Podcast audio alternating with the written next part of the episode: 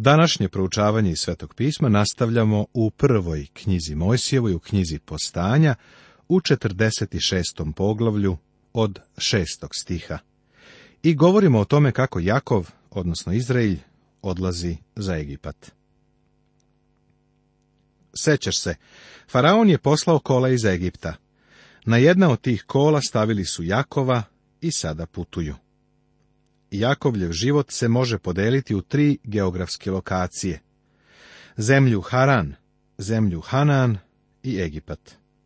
Ovo nisu samo geografske oblasti, nego obeležavaju i tri duhovna nivoa. Jakov je zemlju napustio samo sa štapom u ruci. Kada je stigao u Haran, bio je Boži čovek koji živi po telu. Otišao je iz Harana bežeći. Bežao je od svoga tasta, a plašio se susreta sa bratom Isavom. Onda u Hananu Jakov se rve, ali je on boži čovek koji se bori u sobstvenoj snazi. Sada odlazi u Egipat. Ne ide u svoje snazi i više ne beži. Sada hoda u veri. Iako je u ovom delu postanja Josif istaknuta ličnost, obavezno zapazi dokaze duhovnog čoveka, čoveka vere u životu Jakovljevom. Jakov je postao čovek kakvog ga je Bog želeo, a jedino Bog može da načini ovakvog čoveka. Dozvoli mi da opet ovo izjavim. Jakovljev život u Haranu je tipični život čoveka Božijeg koji živi po telu. Jakovljev život u Haranu je tipičan život čoveka Božijeg koji se bori u svojoj snazi. Jakovljev život u Egiptu je tipičan život čoveka koji hoda u veri. Ovo je, verujem, istina i za mnoge druge danas. U našem životu je bilo vreme kada smo došli u kontakt sa evanđeljem, sa Božjom rečju, i okrenuli smo se Bogu. Onda je nastupio period borbe, kada smo mislili da naš život možemo živjeti u našoj snazi. To je verovatno trajalo godinama. Onda je došlo vreme kada smo uzrasli u blagodati i u poznanju našega gospoda Isusa Hrista i počeli da hodamo u veri. I uzeše stoku svoju i blago svoje što bijahu stekli u zemlji Hananskoj i dođeše u Misir, Jakov i sva porodica njegova. Sinove svoje i sinove sinova svojih, kćeri svoje i kćeri sinova svojih, i svu porodicu svoju dovede sa sobom u Misir. Jakov je zbog gladi morao da povede sve, decu i unuke. Sva njihova stoka je morala da krene sa njima, jer zbog gladi tamo ne bi preživela. Sljedeći stihovi daju Jakovljev rodoslov. On je vrlo bitan, jer je to rodoslov koji vodi do Isusa Hrista, pa će biti praćen dalje kroz Bibliju. A nakon nabrajanja svih Jakovljevih potomaka čitamo ovo. A svega duša što dođoše s Jakovom u Misir, a izađoše od bedara njegovih, osim žena, sinova Jakovljevih, svega duša beše 66. Sa Jakovom je iz Hanana u Egipat došlo 66 ljudi.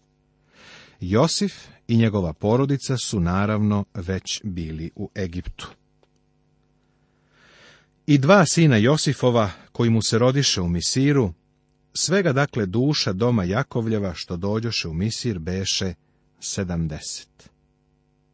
Tako je celokupnog Jakovljevog življa bilo sedamdeset duša. Primeti da su svaki Jakovljev sin i njegovo potomstvo navedeni po imenu. Zašto su nam u pismu date ove liste imena? Zar Bog nema važnije informacije koje bi nam dao? Prijatelju, nema ništa važnije nego što je naš gospod Isus Hristos, a ovo je rodoslov koji vodi do njega. Neka od ovih imena naći ćemo u rodoslovu u prvom poglavlju Matejevog evanđelja na početku Novoga zaveta. Ta imena ćemo ponovo naći u rodoslovlju koje nam se daje u Luki, u trećem poglavlju Svetoga pisma Novog Zaveta. Spisak ovih imena je važan iz tog razloga. Postoji još jedan razlog i vrlo je lične prirode. Da li si čuo za Jagnjetovu knjigu života? Postavlja se pitanje da li je tvoje ime zapisano u njoj. Baš kao što si ušao u Adamovu lozu, a svi smo u njoj, tako ulazimo i u Hristovu rođenjem. Ali, u slučaju jagnjetove knjige života, u nju stižeš novim rođenjem, koje nastupa kada Hrista primiš kao ličnog spasitelja. Kada to učiniš, postaješ Božje dete. Koliko si ti važan? Pa ja te ne poznajem. Verovatno nikada za tebe nisam čuo ali Bog te poznaje. U stvari, On je izbrojao i sve dlake na tvojoj glavi. On te zna bolje od bilo koga drugog. On te poznaje i voli više nego tvoja majka. Mislim da ona nikada nije brojala dlake na tvojoj glavi. Ali Bog jeste. Bog te zna lično. U Jakovljevom rodoslovu postoje imena koja meni ne znače ništa. Kada sam na televiziji gledao vesti, Video sam mnoštvo mladih ljudi na jednom rock festivalu. Gomilu od oko hiljada pomalo prljavog i ukaljanog naroda. Najbolje bi bilo da su se pre svega okupali, ali onda je počela da pada kiša, pa su se izblatnjavili.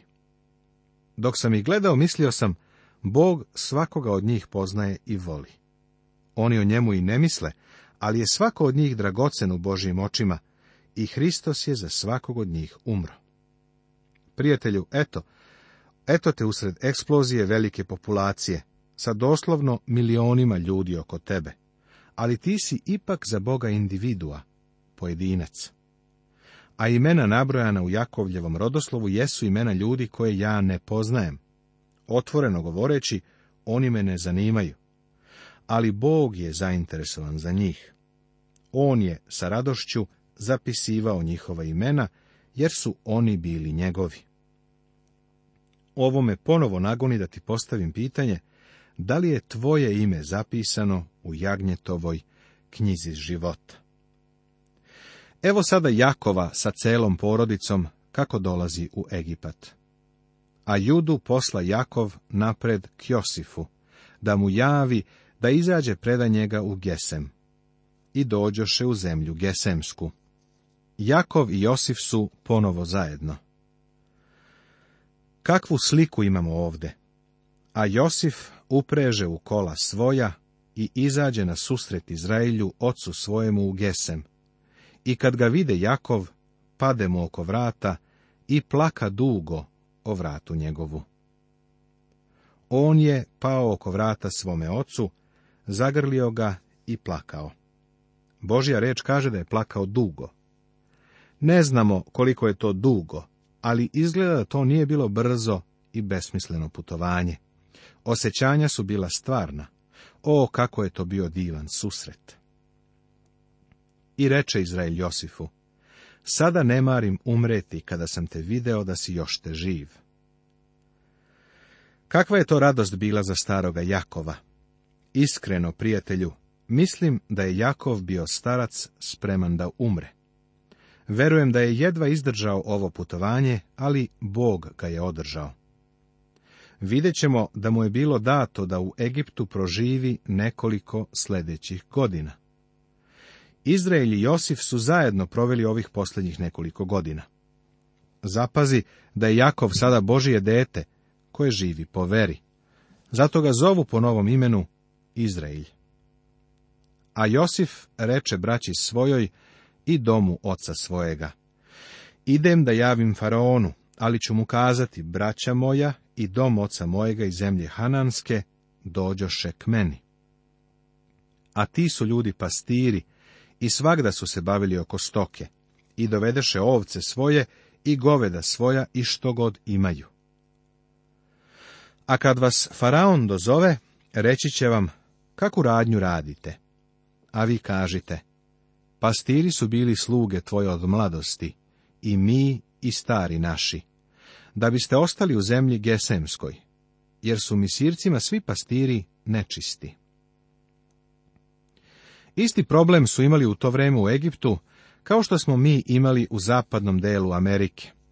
Sećam se kada sam bio dečak u zapadnom Teksasu.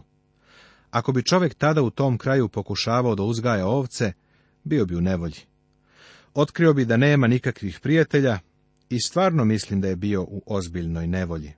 Isto tako, ni Egipćani nisu cenili pastire. Zanimljivo je da Božja reč ima tako mnogo da kaže o pastirima. Ovi ljudi su bili pastiri koji su gajili svoja stada i to i danas čine u Izraelu. Pastir je slika u govoru koja se koristi za našeg gospoda. On je dobri pastir, koji život svoj polaže za ovce. On je veliki pastir koji ih pazi danas. On je vrhovni pastir koji će se objaviti. On sam sebe naziva pastirom. I, prijatelju moj, on je onaj koga svet ne prima. Ni danas ga ne primaju. Govorimo pravom Isusu Hristu. Liberalizam je izmislio Isusa koga će svet prihvatiti. Napravili su idola koji čak i ne izgleda kao gospod Isus iz Biblije. Onaj o kome oni govore nije rođen od device, nikada nije činio čuda, nikada nije umro za grehe sveta i nije telesno ustao iz mrtvih. Isus liberala nikada nije živeo. Ne postoji zapis o takvom Isusu. Jedini o kome imamo zapis, je onaj koji je rođen od device, koji je činio čuda, umro za grehe sveta i telesno ustao iz groba. To je pastir koga svet ne voli. On je još uvek odbojen svetu. Pastiri su bili odvratni Egipćanima. Josif svojoj braći kaže da kažu faraonu da su pastiri i da uzgajaju stoku. U stvari imali su ovce i drugu stoku. Kasnije ćemo vidjeti da će im faraon dati gesemsku zemlju i zamolit ih da čuvaju i njegove ovce, tako da su Izraeljeva deca postala pastiri u Egiptu.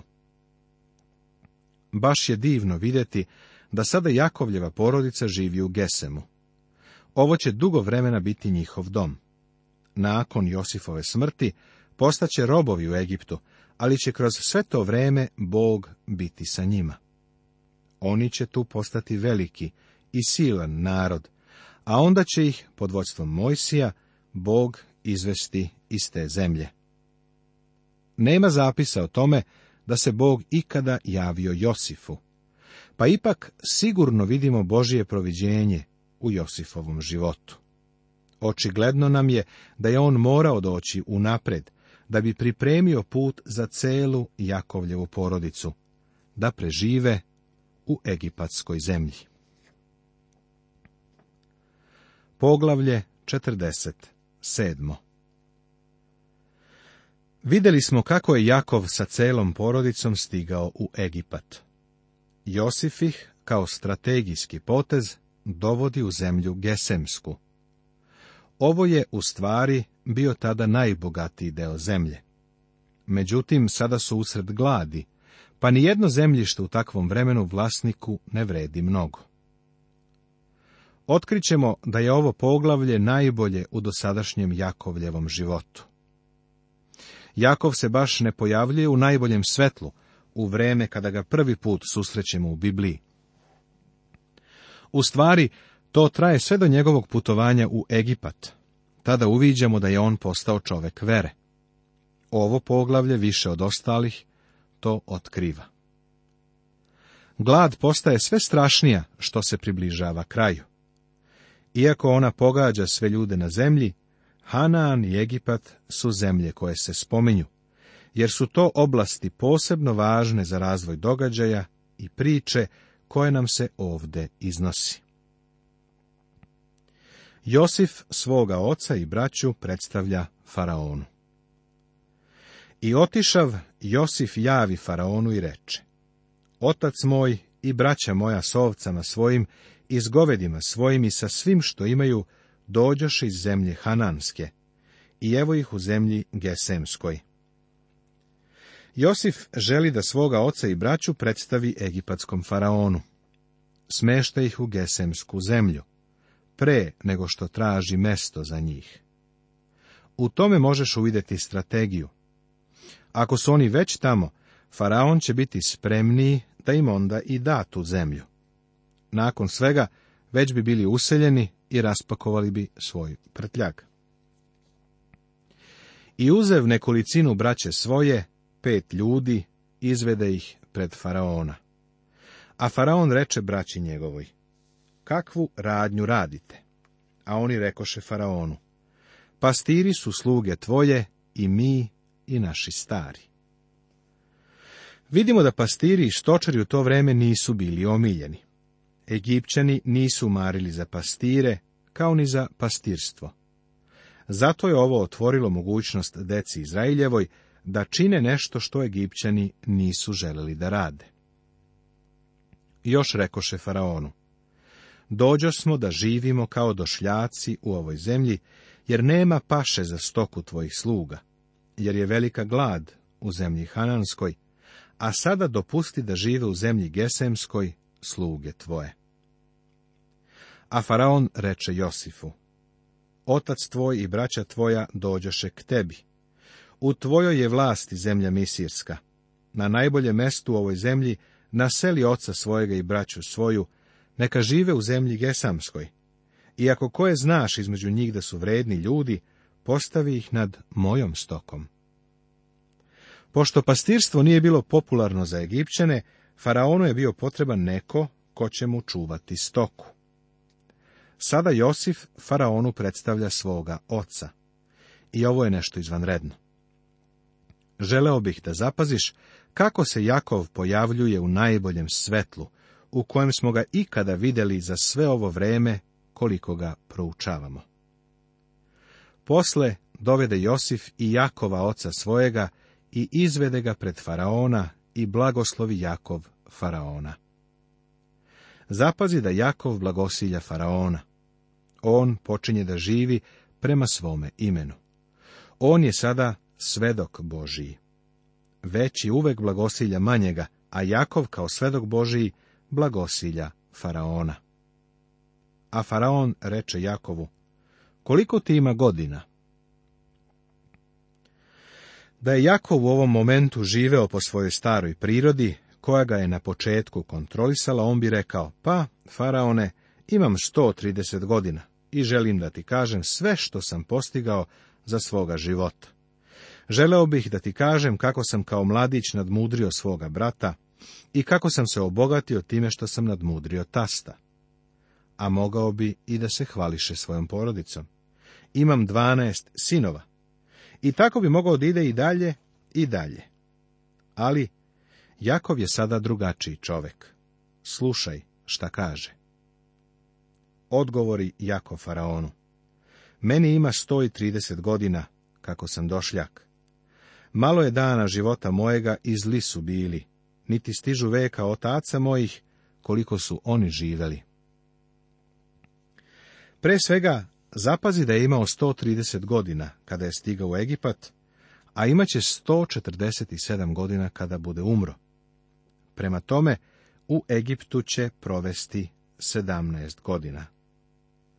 Pretpostavljam da je bio na ivici smrti, jednom nogom u grobu, a drugom na kori od banane, kada je došao u Egipat ali radost što je pronašao Josifa živog i što je sada sa njim, produžila mu je život u Egiptu još tih sedamnaest godina. Da ponovim, prijem kod faraona jeste prilika da se starac hvališe, ali obrati pažnju na to koliko se Jakov promenio. On kaže da ima 130 godina i da u stvari nema ništa čime bi se stvarno pohvalio. Malo je dana života mojega i zli su bili. On se ne hvali time što je prevario staroga oca. Naprotiv, kaže da se ne može meriti sa svojim precima. Niti stižu dani njegovi veka otaca mojih, koliko su oni živeli. Zar ovo nije promenjen čovek? On više ne zvuči kao pređašnji Jakov, zar ne? On Bogu daje slavu za svoj život i ne hvali se da je nešto značajno postigao. I blagosloviv Jakov faraona otide od faraona. Iskreno govoreći, mislim da je Jakov uzrastao duhovno. Kakvu je priliku imao da se pohvali i nije je iskoristio. Neko bi možda pomislio, faraon je veliki vladar, ali ja hoću da on zna da sam ja dole u Hananu bio baš važna ličnost ali Jakov se ne hvali. On je samo grešnik, spasen blagodaću Božjom. U naše vreme mnogo slušamo hvalisanja od strane mnogih hrišćana. Ponekad u našim krugovima aplaudiramo određenim ljudima za ono što su uradili. Govorimo o tome koliko su veliki. Pa ako hoćemo da govorimo istinu, reći ćemo da smo samo gomila grešnika i da nemamo ništa čime bismo se pohvalili osim divnog spasitelja, koji nam je već godinama milostiv. On je sve, čime bilo ko od nas može da se hvali. Nastavit će se.